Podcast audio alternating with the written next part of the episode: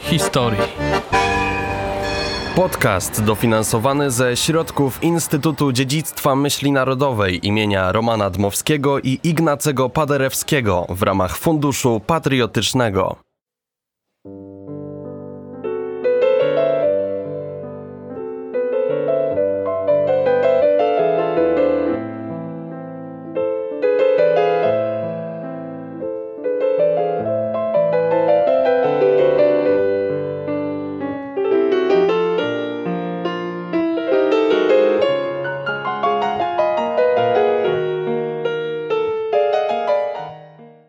Wychodząc z rynku Kościuszki w Białymstoku, wita nas piękna instalacja z kolorowych parasoli na ulicy Jana Kilińskiego.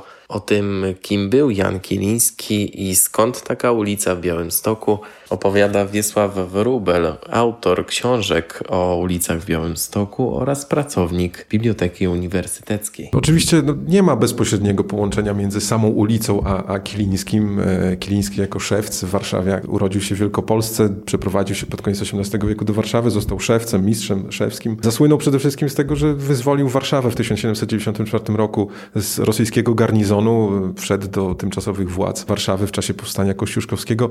Wiadomo, powstanie upadło, e, nastąpił trzeci rozbiór, Ros Rosja zajęła Warszawę, tworząc, włączając stolicę Królestwa Polskiego do zaboru rosyjskiego. Kiliński został aresztowany pod koniec insurrekcji, będąc w Poznaniu, został zesłany do Petersburga, potem mieszkał w Wilnie. Także miał te losy takiego typowego Polaka, który żył na przełomie XVIII i XIX wieku, kiedy ta wielka historia weszła w życie każdego pojedynczego obywatela. I tu w zasadzie trudno znaleźć jakiekolwiek powiązanie między Białymstokiem a Kilińskim, poza tym, że pewnie mógł podróżować przez Białystok, jadąc chociażby z Wilna do Warszawy. Natomiast e, dlaczego w ogóle pojawił się w Białymstoku? Oprócz tego, że był bohaterem narodowym, zastanawiałem się w sumie nad tym, ale wydaje mi się, że jedną z przyczyn mógł być prosty fakt, że e, przy ulicy Kilińskiego pod numerem 10 mieszkał Franciszek Grosser, białostoczanin od dłuższego czasu, który był prezesem Izby Rzemieślniczej w Białymstoku i był też szewcem. Mógł e, mieć wpływ na, na dobór e, nazwy, aczkolwiek pamiętajmy, że to jest taka bardzo wątła hipoteza, bo nawet ta koniunkcja no, dwóch nazwisk, które pojawiają się w centralnej przestrzeni Białegostoku, zwróćmy uwagę, że Tadeusz Kościuszko przychodzi gładko w Jana Kilińskiego. Dwie postacie z tej samej epoki, związane z tą samą historią. To mogła być ta nić wiążąca obie postacie i decyzja o tym, że tą, tą nazwę właśnie nadano. Co ważne, nadano ją w XIX roku, w 1919 roku, mm, także niedawno stuknęło w 100 lat e, e, tej, tej ulicy, jeżeli chodzi o nazwę. Mm, i wiele ulic w Białymstoku uzyskało swoje obecne nazwy właśnie w 1919 roku. Pamiętajmy, że Białystok uzyskał niepodległość troszkę później, 19 lutego 1919 roku wkroczyły wojska polskie do Białegostoku, przyłączając ostatecznie Białystok do odrodzonej Rzeczpospolitej i rzeczywiście w kwietniu 19 roku zakończyła pracę komisja mm, magistracka, wówczas jeszcze tymczasowa Komitetu Miejskiego, która miała za zadanie przekształcić nazwy rosyjskie e, ulic i placów w nazwy polskie. I co charakterystyczne, wśród nazw bardzo ogólnych pojawiają się nazwiska tylko kilku osób, e, wielkich Polaków, przede wszystkim Tadeusza Kościuszki, Henryka Sienkiewicza, Adama Mickiewicza i Jana Kilińskiego. Reszta ulic miała trochę inny charakter, miała bardziej ogólne nazwy. Pamiętajmy jeszcze o ulicy Świętego Rocha, nawiązującej do, do kaplicy i cmentarza Świętego Rocha, potem parafii, ulicy Świętego Jana, e, ponieważ figura świętego Jana Nepomucena stała przy tej ulicy, ale mamy też charakterystyczną ulicę Jerzego Waszyngtona na terenie dzielnicy Piaski, co miało podkreślać bardzo bliskie związki między faktem odzyskania niepodległości i zakończenia I wojny światowej z Ameryką i, i pomocy, jaką Ameryka udzielała, czy Stany Zjednoczone Ameryki Północnej udzielały Białemu Stokowi, w ogóle regionowi w odbudowie, w, w tym przywracaniu polskości i budowie gospodarki. Dziś ulica Jana Kilińskiego. To jest Zagłębie Szewskie w Białymstoku? Ja zdecydowanie oblicze miasta zmieniło się bardzo i zresztą sama ulica Kilińskiego od e, początku swojego istnienia miała zupełnie inny charakter niż reszta Białegostoku. No, tu trzeba by było sięgnąć do początków e, tej ulicy. Ona jest bardzo charakterystyczna. Można by było ją nawet nieco zgubić w dzisiejszym mieście, bo e, rolę takiej arterii przelotowej przez Śródmieście uzyskała w latach 60. XX wieku ulica Legionowa. Natomiast pierwotnie jechano przez centrum Białegostoku tą jedną ulicą. Przejeżdżając z rynku, e, mijało się e, pałac i przejeżdżało rzekę właśnie po ulicy Kilińskiego. Wydaje się, że ona powstała w zasadzie u samego zarania dziejów Białegostoku, dóbr białostockich. Mijała po jednej stronie kościół parafialny istniejący od początku XVI wieku, po drugiej stronie rezydencję, w zasadzie dwór, może lepiej by było powiedzieć, dwór właściciela Białegostoku i prowadziła dalej do Supraśla, zapewne jeszcze dalej do, do innych miejscowości. Natomiast w XVIII wieku ona została złamana i to jest ten charakterystyczny element ulicy. Ona ma w zasadzie kształt litery na wprost tej ulicy, jeżeli będziemy w Białymstoku, od razu zauważymy zamknięcie w postaci barokowego pałacyku gościnnego, zbudowanego w 1770 roku jako taki apartament odpoczynku e, żony, trzeciej żony Jana Klemensa Branickiego, Izabeli z Poniatowskich. No, Branicki zmarł w trakcie budowy, więc e, ten dom w zasadzie nigdy nie pełnił tej funkcji, do której został powołany. Pełnił funkcje rezydencjonalne, mieszkalne urzędników dworskich, potem potockich spadkobierców Branickiego. Potem był w ogóle rezydencją fabrykancką. Natomiast sama ulica w XVIII wieku nazywała się ulicą z rynku do pałacu idącą, co pokazuje pewien status tej ulicy, bo miała ona łączyć rynek z pałacem. Była z jednej strony zaopatrzona w dwa stawy zwierciadlane, w których odbijał się pałac. Po drugiej stronie ulicy znajdowały się zabudowania dworskie. Był, e, były mieszkania baletmistrza i aktorów baletu, była ujeżdżalnia koni, była wozownia Branickiego, mieszkał e, wytwórca świec e, na, na potrzeby pałacu, także miała ona charakter zaplecza pałacowego. Natomiast w XIX wieku zaczęła rosnąć do rangi ulicy prestiżowej. To było ścisłe centrum, tu była własność najbogatszych mieszkańców Białegostoku. Ten status się utrzymał w końcówce XIX wieku, kiedy podzielono wyschnięte stawy, te dwa stawy zwierciadlane, na mniejsze parcele tam zbudowano właśnie największe, najokazalsze kamienice w Białymstoku. Ta strona północna, e, strona dworska dłuższy czas miała taką starszą zabudowę XVIII-wieczną, natomiast ta strona południowa od strony pałacu e, to jest właśnie prestiżowa część, e, najbogatsi mieszkańcy Białegostoku, znane adresy. No i jeżeli tam był szewc, to myślę, że na poziomie powiedzmy dzisiaj takich bardzo wysoko sytuowanych firm angielskich, które słyną z rękodzieła, czy jakichś innych firm, które, które są tylko dla najbogatszych, to taki status mogłyby te firmy mieć. Zresztą tam była też i siedziba innego znanego białostockiego szewca, Jana Fausta, który od lat 80. XIX wieku prowadził duży magazyn i wytwórnię butów.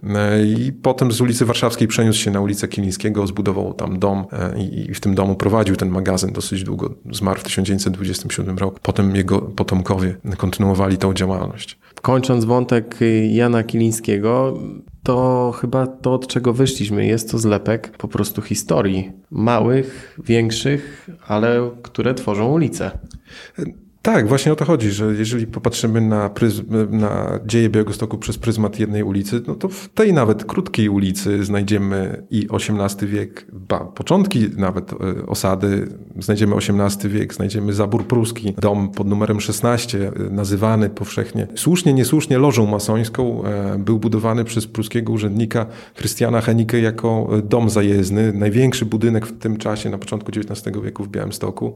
E, znajdziemy e, okres obwodowy, gdzie, gdzie rzeczywiście e, kilka budynków powstało właśnie w ramach funkcjonowania sądu okręgowego w Białymstoku. Znajdziemy wreszcie ten okres handlowy, kupiecki, bogaty, gdzie, gdzie w miejsce wyschniętych stawów, na którym zatrzymywały się cyrki, trupy cyrkowe, wystawiały się, powstały właśnie trzy, czterokondygnacyjne kamienice w zwartej zabudowie, co w Białymstoku nie było wcale znowu takie oczywiste w drugiej połowie XIX wieku. No, znajdziemy też dwudziestolecie międzywojenne, e, piękny modernizm, narożny budynek wypełniający pustą posesję pod numerem 7. Dzisiaj jest chociażby Muzeum Wojska. Także rzeczywiście cały przekrój historii Białego Stoku e, tutaj, tutaj e, jest obecny, jest widoczny. Przechadzając się tak w tej naszej rozmowie Jana Kilińskiego, doszliśmy do Branickich. No jest to ród wybijający się w Białymstoku, w historii Białego Stoku.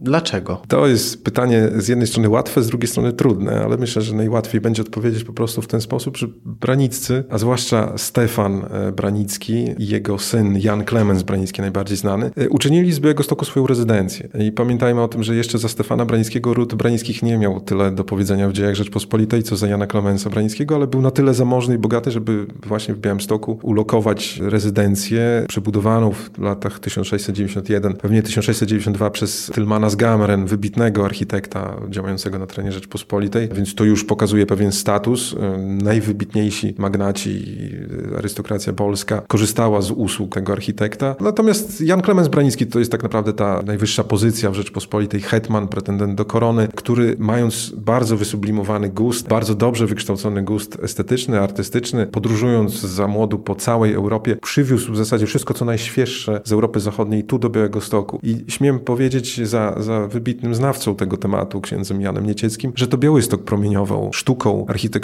kulturą na Rzeczpospolitą, niż to miało miejsce odwrotnie. Co, co jeszcze innego? To Stefan Branicki utworzył miasto Białystok w 1691 roku, wymienił grunty z parafią i na tych gruntach utworzył rynek, utworzył e, ulice dzisiejsze tego ścisłego śródmieścia, wytyczył miasto. Ten eksperyment trochę się nie udał z powodu wojny północnej, z powodu ucieczki Stefana z Polski i ataku wojsk na, na Białystok, ale i wdowa po nim e, zmarł w 1709 roku i potem Jan Klemens Branicki bardzo szybko odbudowali te, to miasto, tworząc z niego regionalne centrum. I tą spuściznę e, rzeczywiście kontynuowano jeszcze za życia Izabeli Branickiej, ponieważ tu, tu w Białymstoku ulokowano Departament Kamery Wojny i Domen Prus Nowowschodnich i ten status centrum administracyjnego Białego Stoku został utrzymany w kolejnych dekadach, w kolejnych stuleciach, także konsekwencją tego wszystkiego jest do dziś fakt, że Białystok stanowi stolicę województwa. Pamiętajmy, że ta stolica województwa podlaskiego, tego historycznego, była w Drohiczynie, więc w zupełnie innym miejscu. Ale fakt, że ulokowano tutaj urzędy y, zaborcze na prośbę w zasadzie, na zaproszenie Izabeli Branickiej, jest taki pomost właśnie między potęgą rodu Branickich i tym, że z Białegostoku utworzyli miasto wzorcowe, piękne. Podkreślano to zresztą w relacjach pamiętnikarskich, że po tej szarzyźnie i brzydocie wielu innych miasteczek y, pogranicza y, Korony i Litwy, Białystok jaśniał jak perła z założeniem ogrodowym, z całą doliną rzeki Białej, gdzie, gdzie te elementy kompozycyjne były naprawdę doprowadzone do, do, do wysokiego poziomu. To robiło na wszystkich przyjezdnych ogromne wrażenie.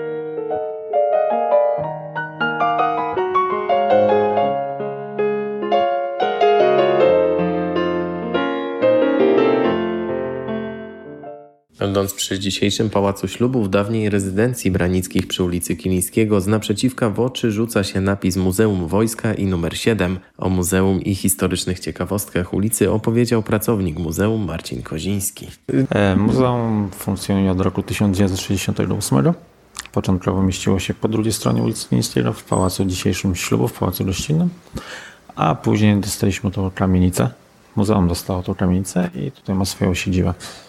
W związku z tym, że to jest kamienica, która już ma blisko pewnie 100 lat, ona ma też swoje plusy i minusy. W związku z tym e, jesteśmy w centrum miasta i łatwo do nas trafić, a z drugiej strony troszkę się już e, gnieździmy tutaj i mamy nie najwięcej przestrzeni. Myślę, że dla wszystkich fanów militariów i uzbrojenia i tak dalej, historii wojskowości, e, każdy znajdzie coś dla siebie. Mamy, tak jak Wam wspomniał, od czasów średniowiecznych i to jest wystawa e, na samym dole, na parterze, a te sale prawdziwe ekspozycyjne e, dotyczą głównie XX wieku. I to jest e, od I wojny światowej do czasów współczesnych. Czy cała ulica Kilińskiego została zachowana w w takiej formie jak e, przed laty? Z wojną Licytyńskiego mieścił się hotel Ritz, czyli jeden z e, najbardziej reprezentacyjnych budynków miasta. On ma oczywiście swoje legendy, między innymi mieszkał w nim podobno swój apartament miał e, pułkownik Kawelin, czyli jedna z tych bardziej znamienitych postaci Białegostoku tego okresu. Oczywiście są legendy, jak o Wieniawie, że wjeżdżał na koniu do recepcji hotelowej albo że wystawiał radioodbiornik, który był wtedy towarem luksusowym i okoliczni mieszkańcy mogli słuchać razem z nim audycji radiowych. W tej chwili po, po hotelu są tylko fundamenty yy, i tablica pamiątkowa. To było, tu się znajdowało. Pewnie jakąś pozostałością po tamtych czasach jest fakt, że ciągle brakuje numerów na ulicy Cińskiej, że czasami przychodzą do nas ludzie do, do muzeum, pytają o adres, a tego adresu tutaj nie ma.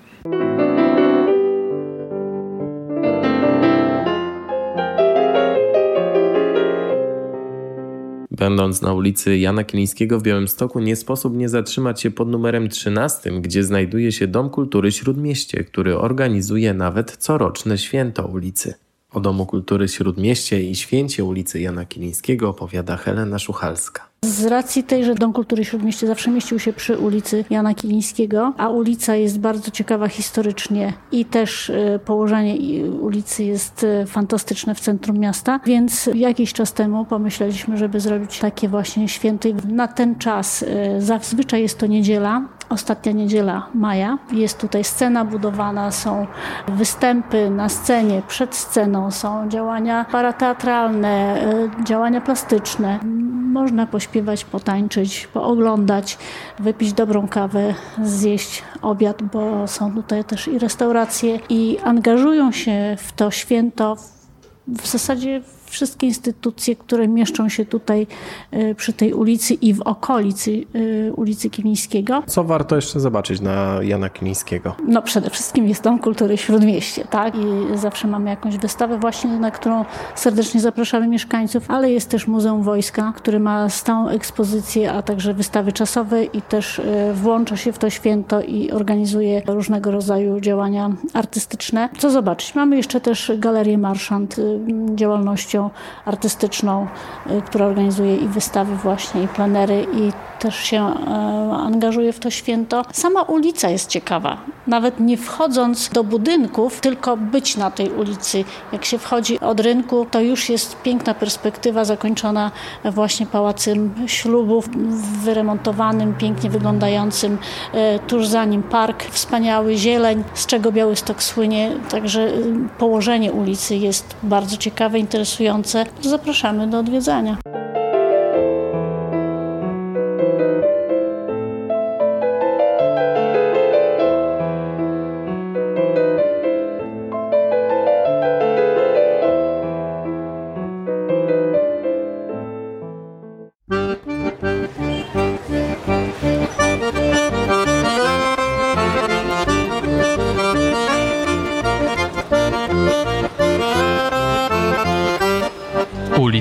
Historii. Podcast dofinansowany ze środków Instytutu Dziedzictwa Myśli Narodowej imienia Romana Dmowskiego i Ignacego Paderewskiego w ramach Funduszu Patriotycznego.